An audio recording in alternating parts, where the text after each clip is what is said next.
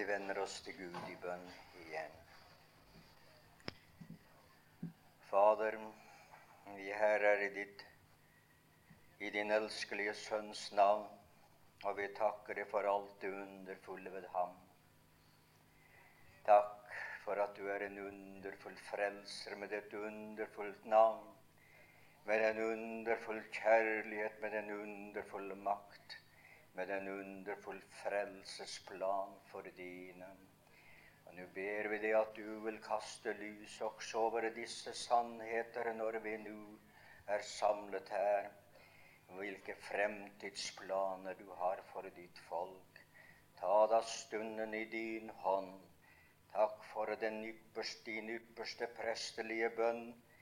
Den ble hørt, og den ble bønnhørt og den skal virkelig gjøres i ett og i alt. Takk og Gud i Jesu Kristi navn. Amen. Jeg vil gjerne få lov å lese litt mer, eller ett vers, fra det samme kapitlet som vår bror leste, Jesu ypperste prestelige bønn. Vi har talt en kveld fra Romabrevet 8, som vi også skal tale om i kveld, og påpekt og omtalt frelsesforberedelsen i evigheten som var. Frelsesopplevelsen i tiden som er. Og i kveld skal vi tale om frelsels fullendelse i tiden som kommer. Og det er i forbindelse med denne her fullendelse av frelsen at Jesus Kristus her taler. Her er omtalt flere ganger om bevarelsen. Han bevarte dem da han var her. Det var jo vårt emne i går troendes bevarelse. Bevaret i navnet. Og så fått videre flere ganger her. Og her er grunnen hvorfor. Og det er i det 24. vers. Fader, jeg vil Det er hans siste vilje, og hans siste vilje, den siste vilje, er verdifull. Jeg vil at hvor jeg er, der skal også det som du har gitt meg, være hos meg, for at jeg skal se min herlighet, som du har gitt meg. Det er Shekina, glorien, glansen, som du har gitt meg, som, som du har gitt meg fordi du har elsket meg før verdens grunnvoll ble lagt. Og så leser vi fra Romerbrevet. Og i det kapitlet der skal vi først lese det som står i forbindelse med frelsesforberedelsen i evigheten som var. Og det Da begynner vi ved det 29. vers. For dem som du har forutkjent, dem har du også forutbestemt til å bli likedannet med din sønns bilde, for at han skulle være den førstefødte blant mange brødre. Der har vi både frelsen i fortid, planlagt, men også frelsen fullendt i det samme verset. Og dem som han forut Her kommer så frelsen i nåtid. Og dem som han forut har bestemt, dem har han også kalt. Og dem som han har kalt, dem har han også rettferdiggjort. Og dem som han har rettferdiggjort, dem har han også herliggjort. Og hva skal vi da si til dette? Ja, vi kunne si ammen og halleluja. Men det står det ville være noe som er enda større. Det beviser at Gud er for oss. Og hvem er da imot oss? Så teksten min i kveld, det er det 29. vers. For dem som han forutkjente, dem har han også forutbestemt til å bli likedannet med hans sønns bilde. Altså likedannelsen med hans sønns bilde. Det er det som er emnet for i kveld.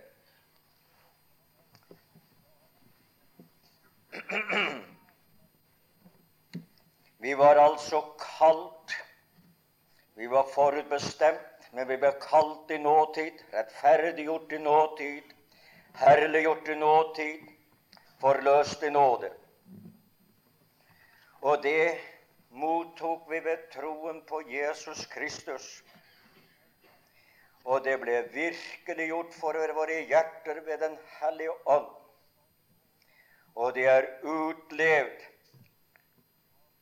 ved nåden i Kristus Jesus fra dag til dag. Denne var frelse i nåtid. Den gjaldt vårt indre menneske. Vårt indre menneske, men ikke vårt ydre. Men det indre menneskets frelse innvirker på det ytre.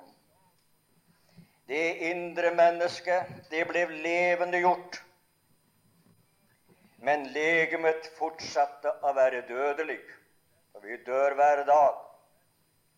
I millionvis av celler dør i minuttet. Ufattelig og dog bevist. De er døende. Det er for vårt legeme. Det vårt indre menneske fikk del i guddommelig natur. Men vårt legeme bibeholdt den adamittiske natur. Den er i vårt kjøtt. Vi er frelst åndelig, men vi er ikke frelst psykisk. Og vi er ikke frelst fysisk. Således er vi frelst i tro men det står noen ting tilbake som hører med til frelsesverket. Og det er da det som bringer oss inn i dette emnet som vet de har i kveld frelsens fullendelse. Vår frelse fra fortiden i Adam er grunnet på Kristi død begravelse og oppstandelse. Hans soningsblod, jeg kan si det, hans død, hans kors. For ordet om korset er en Guds kraft til frelse for hver dem. Det Jesus tok på korset, det fjernet oss, eller fjernet fra oss det som at vi har fordi vi var Adams barn. Det er arvesynden så vel som gjerningssynden når vi tror på ham. Vår frelses fullendelse, den er knyttet til Jesu Kristi oppstandelse i Hans herlighetslegeme og til hans, opp, til hans komme i skyen for å hente sin menighet. Det er det som. Og det er det som det niende verset her forteller oss om. Det forteller oss om hva Kristus ble ved sin oppstandelse. Nemlig han skulle være den førstefødte blant mange brødre. Det er et herlig emne. Jesus Kristus som den førstefødte. Det som er sagt om hans fødsel. Men det er også i dette verset omtalt hva vi skulle bli. Vi skulle bli likedannet ved hans sønns bildet. Nå er det så flere spørsmål vi skal stanse ved her i, under dette emnet. Og hva er så det? Hva Kristus ble ved sin oppstandelse. Det har vi påpekt. Nå skal vi så stanse ved dette når vi skal bli Hans Sønns bilde. Hva tid skal det skje? Det er det første. Hva blir vi da av med når dette skjer? Hva får vi så i stedet når vi blir av med så meget som vi skal omtale? Og det fjerde hva innebærer dette å få lov å være bærer av Hans Sønns bilde?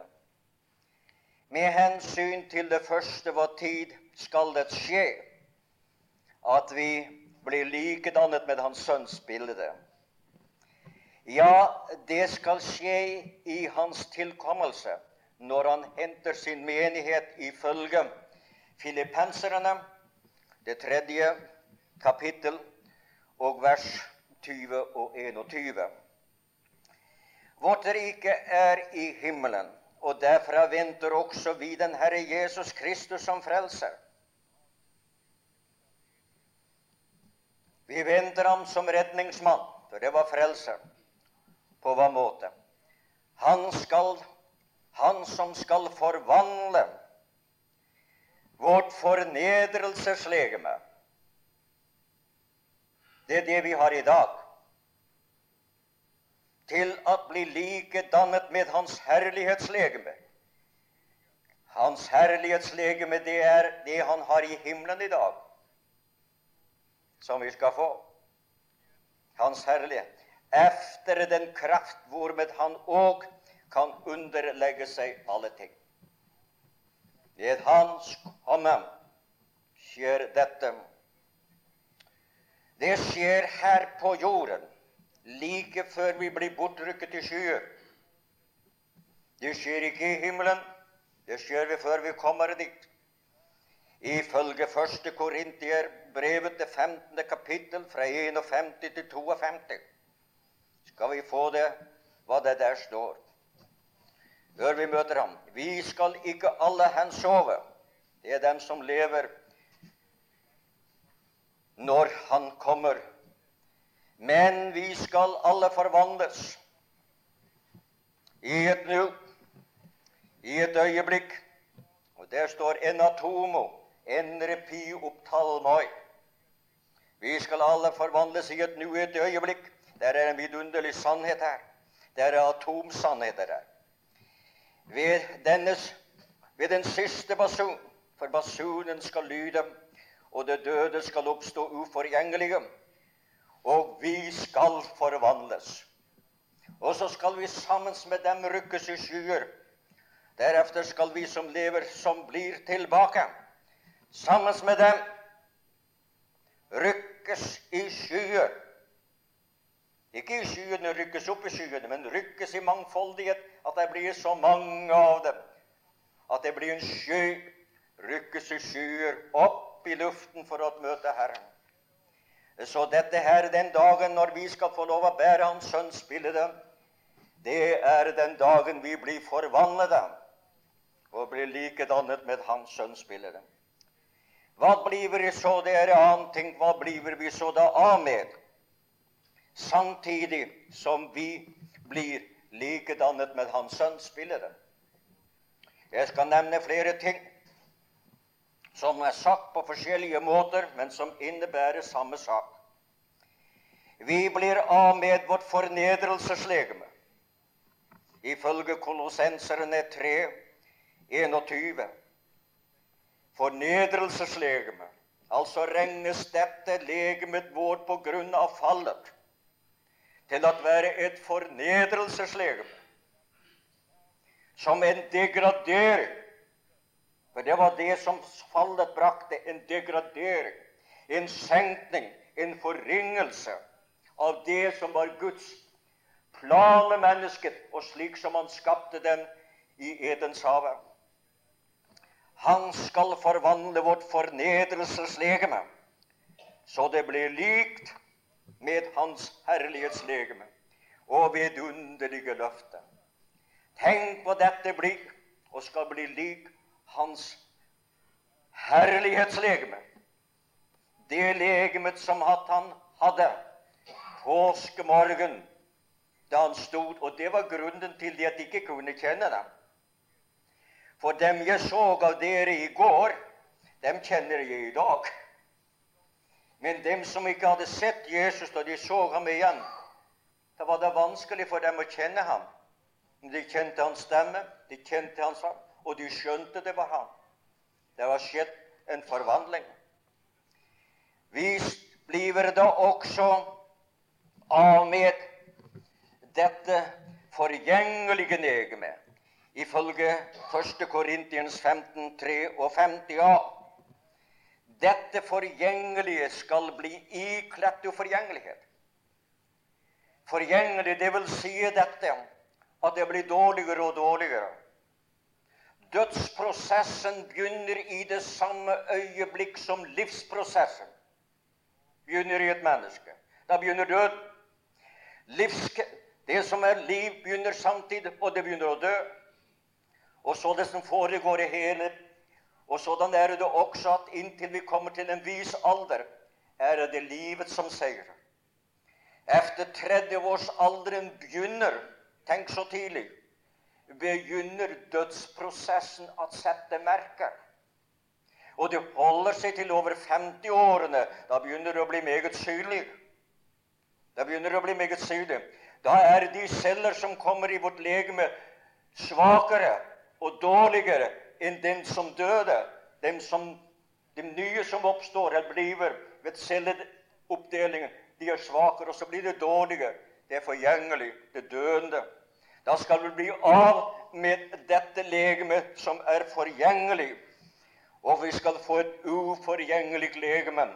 Et legeme som ikke forandrer seg. Som har blitt slik at det ikke behøver forandring. Enn videre vi da blir vi av med dette dødelige. Det dødelige. I det samme 1. Korintiens 15 og 53b når jeg sier A og B, så er det at man teologien så bruker man det for å tilkjennegi at man oppdeler et vers i flere sannheter. Så er det A eller B. Og dette dødelige skal ikledes udødelighet. I dag representerer vi alle sammen det dødelige. Og Derfor må vi si farvel den ene gang efter en annen til noen av våre kjære. De døde fra oss og efterlot tomrommet og savnet. Og så tenkte kommer en dag da det ikke skal bli spørsmål om begravelse. Ikke spørsmål om at det blir noen som blir borte i flokken. Ikke noen som savnes. Der er det store forandring, det veldige forandring, slik som frelsen var fullkommen når det gjaldt det innvortes mennesket så blir frelsen fullgommen når det gjelder legemet. Jeg nevner enda en par ting. Vi blir da av med det jordiske bildet. 1. Korintiens 15, 49. Like som vi har båret den jordiske spillet. Vi spiller det. Det var Adam. Når du ser deg selv i ansiktet, når du ser deg selv i speilet Unnskyld. Når du ser deg selv i speilet, da får du et gløtt av Adam. Ja, for det er hans bilde, du og jeg. Nok er vi så litt forskjellige, men det bildet du ser, det er allikevel et bilde som stammer fra den falne Adam. Vi har båret, like som vi har båret den jordiske spillede. Adam. Og gjennom dem har jeg slekten gått videre og videre inn til din far og mor og min far og mor så skal vi også bære den himmelske spillet. Her er to bilder. Og det skal jeg si det, det er stor forskjell på disse bildene. Et himmelsk bilde må være himmelsk, og et jordisk bilde er jordisk. Kontrasten er så stor, og ulikheten er så stor, at du og jeg vil ikke fatter og begripe det, men tenk, vi skal oppleve det. Vi skal komme til å få det slik og herlige dag som randast for meg, synger det i svensk i en sang, og det blir en herlig stund når vi skal avkledes for å bli ikledt, når vi skal legge hylsteret tilbake, akkurat slik som man ser en sommerfugl. Et godt bilde, det også. Et bilde. Krype som en orm bli lagt i en puppe. Er det den der og den øglige, stygge ormen som krablete der, som man gjerne ville se vil skade både det ene og det andre av jordiske tilværelse? Men så brister puppen, og så springer det ut, så utfolder det seg vakre, skjønne vinger, og så hever det seg en vidunderlig vakker sommerfugl. Så stor forskjell, og enda større, det er et svakt bilde, er det forskjellen med den krypende orm, du og jeg. Også det som skal utfolde seg når vi får et nytt legeme, det himmelske legeme i Kristus. Å, mine venner, det svimler for tanken, for den er så stor og vidunderlig. Men dette her er guddommelig. Det bildet jeg her, det var et jordisk, men det blir en guddommelig forvandling som da skjer. Og det siste ting jeg vil påpeker her i denne forbindelse, vi blir da av med det naturlige legemet. 1. Korintiens 15, 44. Der sås et naturlig legeme. Der oppstår et åndelig legeme. Så det som at vi ser hvor vi betrakter hverandre, det er helt naturlig. Det er det jordiske, det er det forgjengelige, det er det amittiske.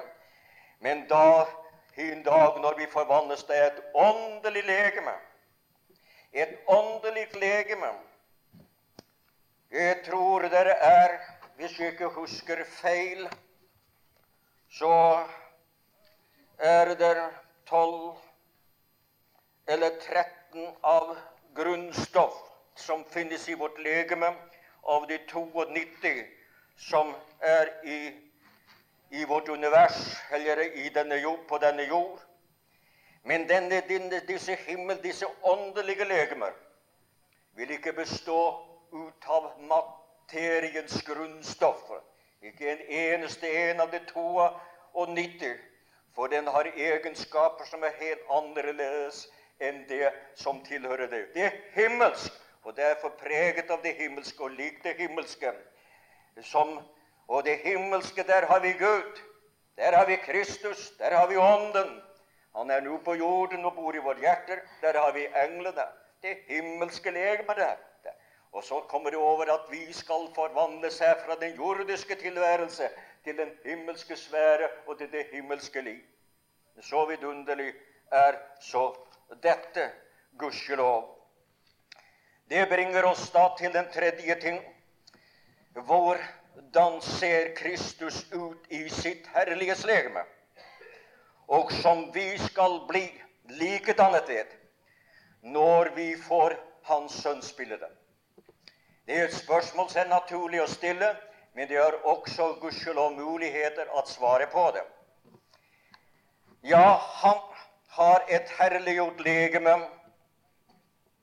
og så skal vi få et herliggjort legeme.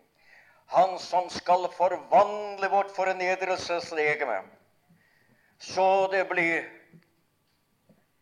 nesten lik Hans herlighetslegeme. Står det det slik? Nei, det står det skal bli lik Hans. Og en ting som er lik, kan du ikke se forskjell på. Det som er likt, det er likedant. Ellers var det ikke likt med Hans Herre. Og dette legemet det kalles et herlighetslegeme. Det er Hans legeme. Hans legeme har avglansen av Guds herlighet. Det vil si, de er bærere av den guddommelige sjekine, eller glorien og glansen, som omgir guddommen. Når, Gud, når Herren åpenbarte seg i den gamle pakt, var det alltid en glorie og en glans. Og det var denne glorien og denne glansen som Jesus gav avkalt. Han ga avkalt å være Gud lik, ikke i sin allvidenhet, ikke i sin guddommelighet, det er jo noen som lærer nå at, at han avkledde seg slik at jeg har hørt en av våre, våre biskoper sier dette, at han tok feil i mangt og meget. Og at han har avkledd det så han ikke visste. Derfor var det mange ting han sa som var feil.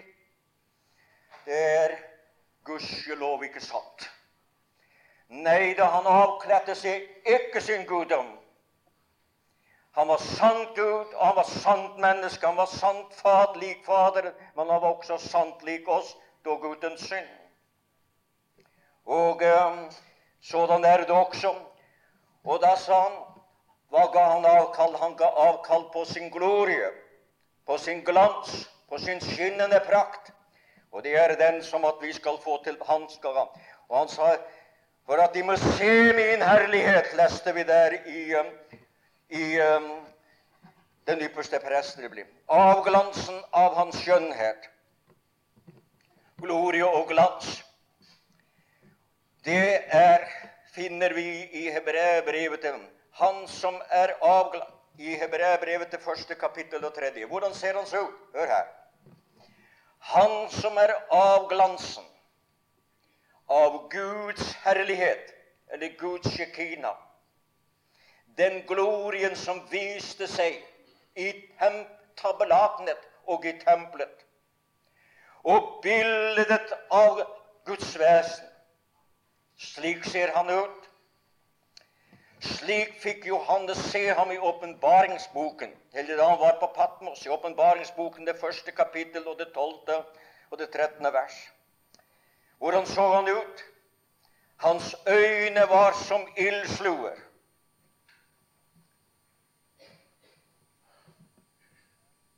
Hans øyne var som ildsluer. Hans føtter var skinnende, lik skinnende kommer gjort glødende i en ånd, også skinnende. Og hans åsyn var som solen når den skinner i sin herlighet. Her har du tre beskrivelser av skinnet. Og denne skinnet, denne guddommelige glorien og glansen som, som, som apostelen her prøver ved Hellige Åndens bistand, til like som han skulle gjøre, hvordan han så denne vår vidunderlige Herre og Frelser, som er menighetens ypperste prest, og som gikk mellom lysestakene i sin guddommelige herlighet. Slik skal også vi bli når vi får Hans herlighetslegeme. Ja, er ikke det for, for tanken altfor stort? Nei, vi har det skriftelig, og vi skal få lov å se hva det står i 1. Korintien, det 15. kapittel, fra vers 41 til 42. En glans har solen, en annen månen, og en annen, vil si det tredje, stjernene. For den ene stjerne skiller seg fra den annen i glans. Og så er det òg med det dødes oppstandelse. Derer sies det at slik som det er at som det er med månen, og som det er med solen, og som det er med stjernene, med deres glans, forskjellige glanser, og stjernene, så er det òg ved det dødes oppstandelse. Det vil si det også for dem når de har blitt forvandlet. De levende og de døde er blitt forvandlet.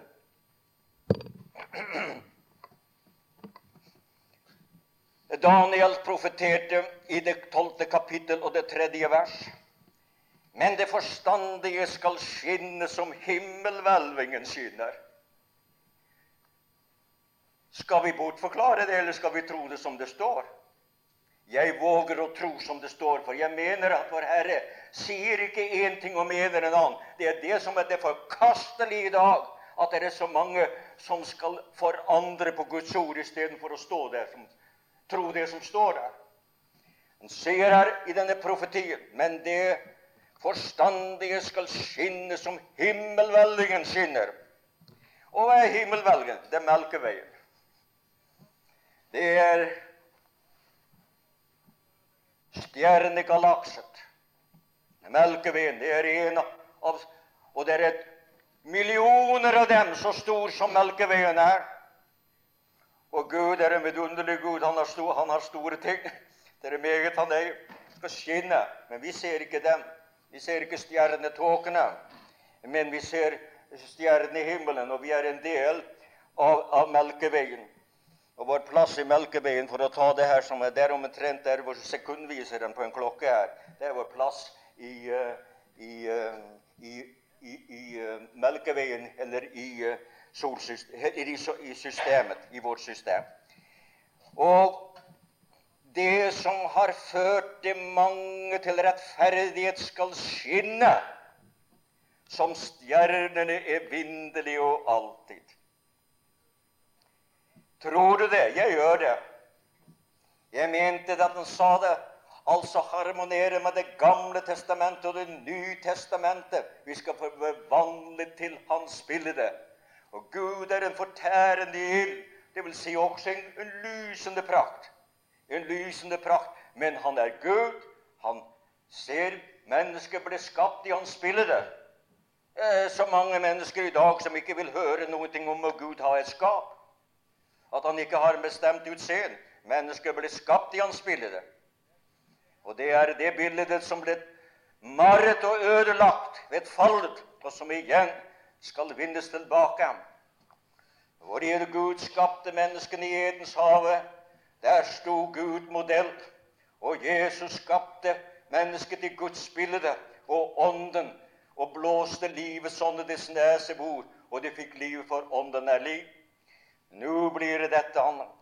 Stjerneverdenen har Der er infrarøde stjerner. Stjerner som skinner med et infrarødt lys.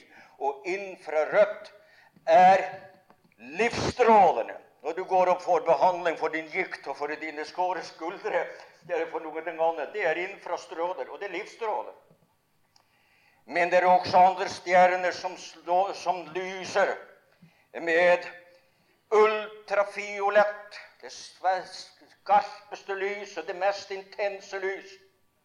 Og solen har både begge deler. Men hvis ikke det var for, for uh, uh, atmosfæren, så ville vi bli drept av det ultrafiolette strålet, for det er dødsstrålet. Jeg har en bok av, skrevet av en overlege om både infrarødt og ultrafiolett, om livsstråler og dødsstråler. Jeg, jeg refererer til noe av det. Og det er stjerner i universet, slik at i universet er regnbuens farve av alle septerets farveskalaer. De skal skinne som stjernene evinnelig og alltid. Den ene stjerne med én glans og en annen. Tenk hvilken prakt.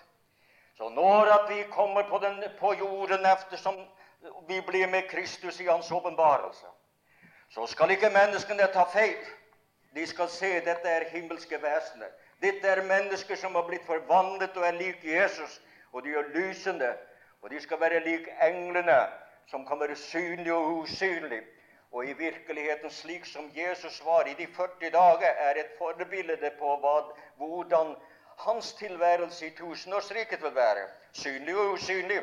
Men også vi, hvor vår tilværelse skal være. Synlig så vel som usynlig. Så der har vi altså hvordan forholdene var. Det var den tredje ting jeg påpekte, og jeg kommer til den siste der. Og det er dette Hva innebærer det for oss? At vi skal bli likedannet med Hans Sønns bilde. Ja, hør nå her hva det gjelder, slik som det står i det 29. Vi leser det om igjen. For dem som man har forutkjent, gudskjelov, dem har han også forutbestemt til å bli likedannet med Hans Sønns bilde. Dette det er fullendelsen av frelsesverket. Det er fullendelsen av Golgata-verket og resultatet av hans oppstandelse og hans himmelfart og fullendelsen av det som han har opptatt med i herlighet i dag som vår ypperste prest. Det er fullendelsen når vi går over fra den jordiske til den evige tilværelse. De som er døde nå, de er hjemme hos Herren i sin ånd. Deres legeme ligger i graven. De er hjemme hos Herren. Han for opp. Og Paulus ble bortrykket til den tredje himmel. Alle de fortapte er i dødsriket, for de går ned da. Og Kristus går ned til dødsriket. Således er det forskjeller.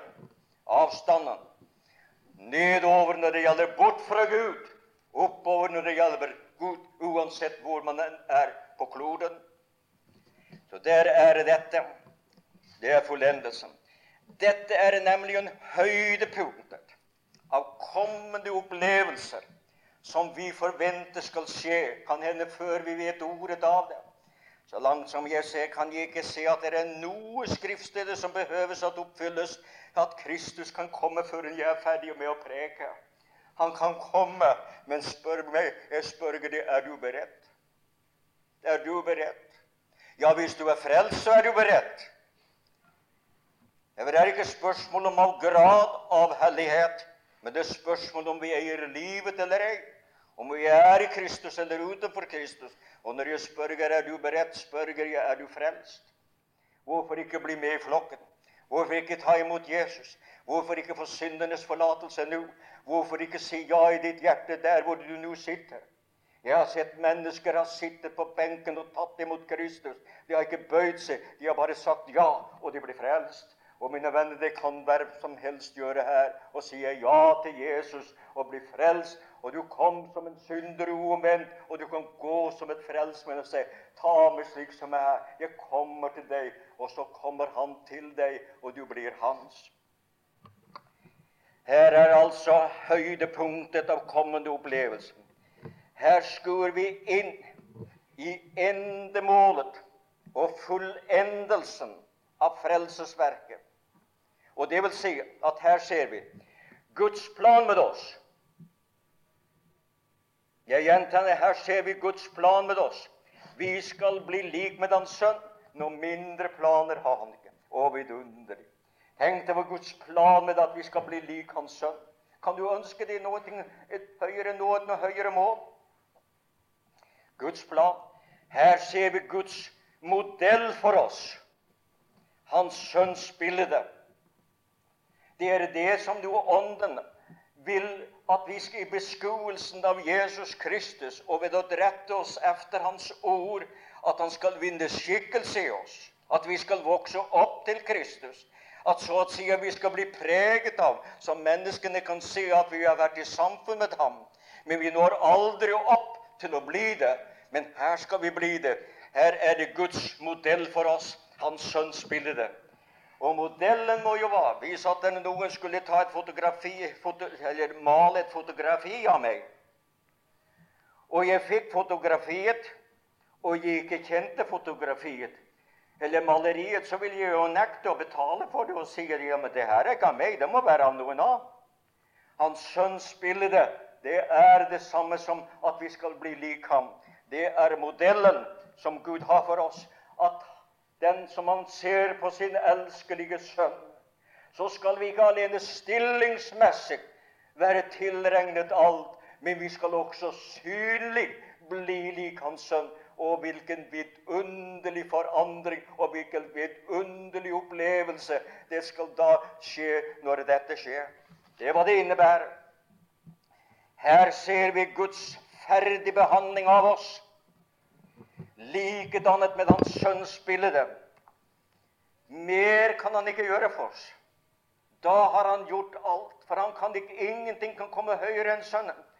Da har han ferdig behandlet oss i forvandlingen ved oppstandelsen, slik at når vi møter Hans Sønn i luften, da er vi blitt Sønnen lik. Å, vidunderlige tanke, og det er Skriftet. Dette er bildet som Guds, som ligner ham i all evighet. Guds plan med oss. Høyere kan vi ikke komme enn å bli lik Hans sønn. En umulighet. Høyere kan vi ikke komme. Bedre kan vi heller ikke bli enn å bli lik Hans sønn. Kan du tenke seg noe bedre enn å være Hans sønn? Guds elskelige sønn å være slik som ham. Det er det høyeste av opplevelser. Og det er det høyeste, eller også det, ja, det høyeste av erfaring. Og det beste vi kan. Vakrere kan vi heller ikke bli enn å bli lik Hans sønn. Tenk seg til Snakker om å være vakker, men da blir vi vakre. Du vet jo noen mennesker som er meget opptatt ved å se seg i speilet, og de undrer seg. Det påstås, det vet ikke det, men det sies det at påfuglen, som jo er en av de fugler som har en vidunderlig praktfull hale Og når at den spankulerer og spreder ut sin viftende hale, Nei, da må den synes den er uavvennlig. Men for å få den til riktig til å, å, vifte seg og komme seg opp, må den bøye seg ned, og så får den øye på føttene. Og påfuglens føtter er fælt stygge. Og med det samme den ser føttene, detter halen ned.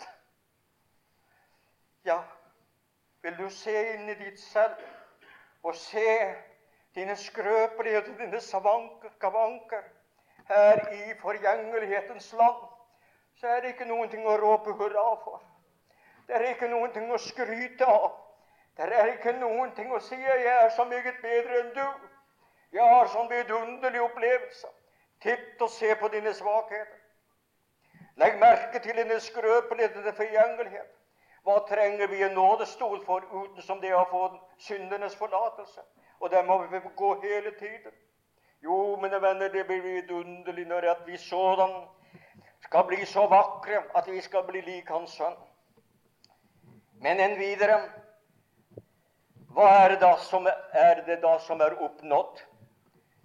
Da er målet nådd, sjelens frelse. Da er målet nådd. Det er ikke nådd ennå. Stillingsmessig er det, men ikke, men ikke erfaringsmessig eller så å si forhandlingsmessig. Da er Guds plan fullført. Da er resultatet det beste som Gud kan gjøre. Tenk seg til det at da har Gud gjort sitt mesterstykke. For ikke noe høyere i hans univers enn dette, at han har skapt et menneske i sitt bilde, at han har fått, men, fått mennesker til å ligne sin sønn i alle deler. Det er Guds plan for dem. Da er resultatet vidunderlig, og da har Gud fått mennesker som han tapte ved fallet, som hadde hans bilde. Da har han fått dem ikke alene forvandlet her på jorden, for skje det forvandlet. Men så løfter det dem opp til himmelen for at de skal være der hvor han er. Å, mine venner, det svimler for det at det der skal mennesker, så at himmelen skal befolkes av mennesker som er blitt lik Hans sønn, og sønnen er lik Gud. Å, kan vi ikke forstå dette, at det er vidunderlig å være frelst? Å, hvilket fremtidsmål! Og hvilken lykke det er! Og hvilke begivenheter som venter oss som tror på Jesus Kristus. Ja, det er i sannhet mer enn vi er i stand til å beskrive at sådan ble det. Her er høydepunktet av erfaring. Guds sønns bønne. Guds sønns bilde i vår natur. Ikke det minste igjen av Adam. Bare guddommelig natur. Nå har vi fremdeles den adamittiske, men fra da av har vi ikke den adamittiske natur, bare guddommelig. Nå har vi det i det usynlige som ofte blir preget og påvirket av vårt kjød. Guds sønns bilde i vårt legeme. Udødelig som ham, uforgjengelig som ham, herlig som ham, lysende som ham, guddommelig skinnende i glorie som ham. Å, mine venner, det er høydepunkter her som det menneskelige ikke fant forstand kan forstå, men som ordet gir oss grunn til å tro og regne med, for det er Hans verk, og det er toppmålet av frelsesverket, som da er fullendt. Priset være Hans navn. Og i vår ansikt, ja, der er det også Guds sønns bilde. Det er høydepunktet i vår ansikt. Like som Jesus er Faderen lik, og hans utstrykte bilde. Eh, således blir også vi Jesus lik, og hans uttrykte bilde. Og alle sammen forskjellig. Og allikevel alle sammen bærede av Jesu Kristi bilde. Så når Gud ser på oss, ser han sin sønn ikke alene stillingsmessig, men da erfaringsmessig. For nå er det stillingsmessig på grunn av død og oppstandelse og et fullbrakt frelsesverk men da er det erfaringsmessig. Vår erfaring er ubetydelig i forhold til vår stilling. Vår erfaring er alltid manglende men stillingen er fullkommen. Men da blir erfaringen fullkommen som stillingen er fullkommen. Å, mine venner, det er noe stort noe å, å bli frelst. Det er derfor at Gud vil at menneskene skal bli frelst. Det er derfor han vil ta dem slik som de er, for å forvandle dem slik som han er. For deri består frelsen. Lovet være Hans navn. Gud ser seg selv. Tenk hva det innebærer å være blitt likedannet med Sønnens bilde. Ingen blir preget av fallets følger. Og det er vi alle sammen mer eller mindre. Ingen blir merket av sykdom og elde, og det er vi alle sammen. Merket av elde eller sykdom. Ingen av det, ikke en eneste en, skal være merket av dette. Ingen blir deformert av fysiske skavanker og tap. Det alt sammen blir forvandlet til å bli hans sønns bilde for det er ikke en forvandling til å bli det beste vi var her i livet. Forstår du det? Det er ikke det at vi skal bli til bandes på det skjønneste som vi var her. Når du var på ditt vakreste. Men det er til å bli lik Jesus, slik som han er. Og der kan det ikke være noe skavanker. Der kan det ikke være noe ufullkommenhet. Der kan det ikke være noe som mangler. Der blir ingen protesje. Der blir ikke noen falske armer eller medlemmer. Der er alt sammen Kristus i den enkelte. Ingen har, har pletter eller rynker. For pletter det kan være føflekker. Pletter kan være mange slags. Og rynker det er alderdomstegn. Men den evige ungdom er begynt, for jeg har blitt gitt Jesus. Og han er både den eldste, som den eldste, men også som evig ung. Mere fullkommen enn Adam var i paradiset. Er det mulig? Ja. Han hadde ikke et forvandlet legeme eller et herliggjort legeme, men det har vi. Det legemet han hadde, var jordisk, men det er ikke vårt, da.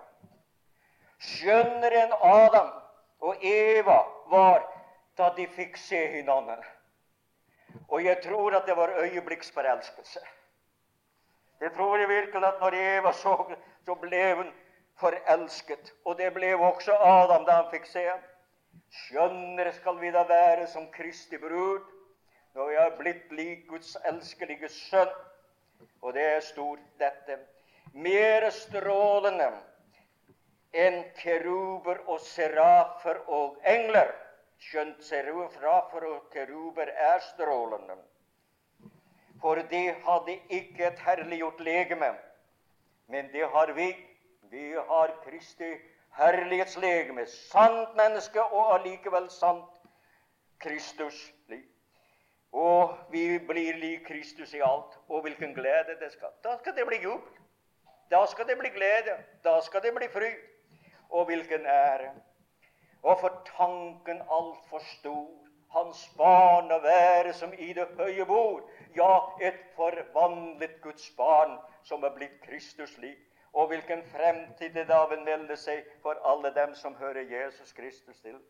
Her er toppmålet av lykke rommet i disse vers vi skal bære Hans Sønns bilde. Det innebærer et samfunn som ikke skal brytes. Aldri brytes en skjønnhet som aldri skal marres eller ødelegges. En lykke som aldri skal opphøre. Et liv som aldri skal dø. En evighet i glede og herlighet hos Gud i Kristus. Lik Gud og Kristus for tid og evighet. Ja, her kan vi si ammen. Og det vil si så er det, så skal det være. Og vi kan føye til et halleluja. Ære være Jehova, ære være Herren. Det var Han som begynte og uttenkte det. Det var Han som fullførte det med Kristus. Det var ved Ånden at vi fikk del i det. Og så ble vi forvandlet slik at de ble himmelsk som han er himmelsk, og guddommelig som han himmel, i hele vårt legeme, for evig og alltid være med ham. Skulle ikke det lokke deg som er utenfor?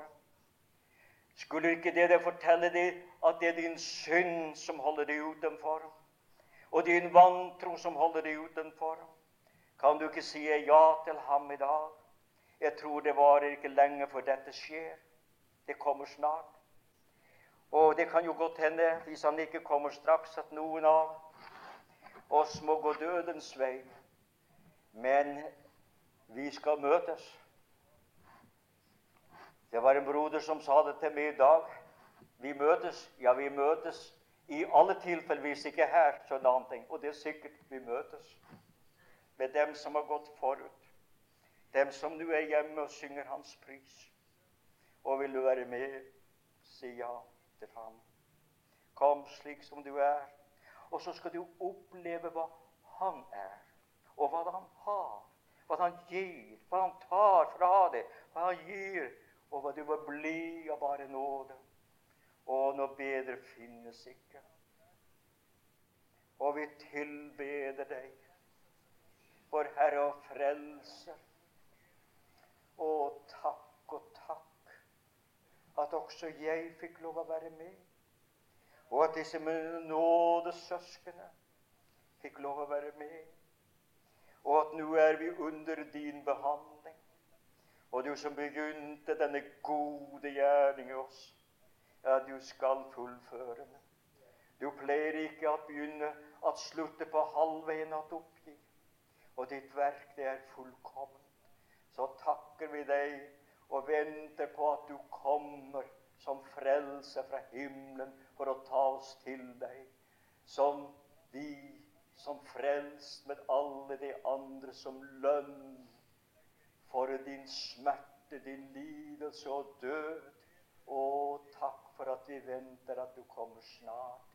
Velsign venneflokken. La oss alltid være beskuende på Kristus og regne med ham i ett og alt. Hjelp meg dertil. Og så sier vi ditt takk for ditt ord, dine løfter vi vet det er sanddrue for tiden og evigheten. Amen. Og før jeg nå setter meg ned, så er det like som at jeg står på fallrepet. Og da vil jeg si takk for at jeg atter igjen Dette er den åttende gang jeg besøker dere. Og jeg tror at det er det og jeg har prekt her hos dere 60 ganger. Det kan hende ikke dere husker, men så mange ganger har jeg fått lov å være her på Karmen hos dere her på stedet. Gud signe deg. Det kjentes alltid godt å få dele ordet med dere. Og husk å be for meg så lenge at jeg får lov å være her i hytten, at jeg må få lov å være ute og forkynne Hans dyder. For da jeg ga mitt hjerte til ham, løftet jeg mine hender til himmelen og sa, her er jeg. Jeg vil være din i all skrøpelighet, det vet jeg. Men jeg vil ha at mitt liv skal tilhøre deg. Og han har forunt med mange dager å kunne få lov å forkynne ham om en skrøpelig i så mangt og meget. Gud signe dere alle sammen.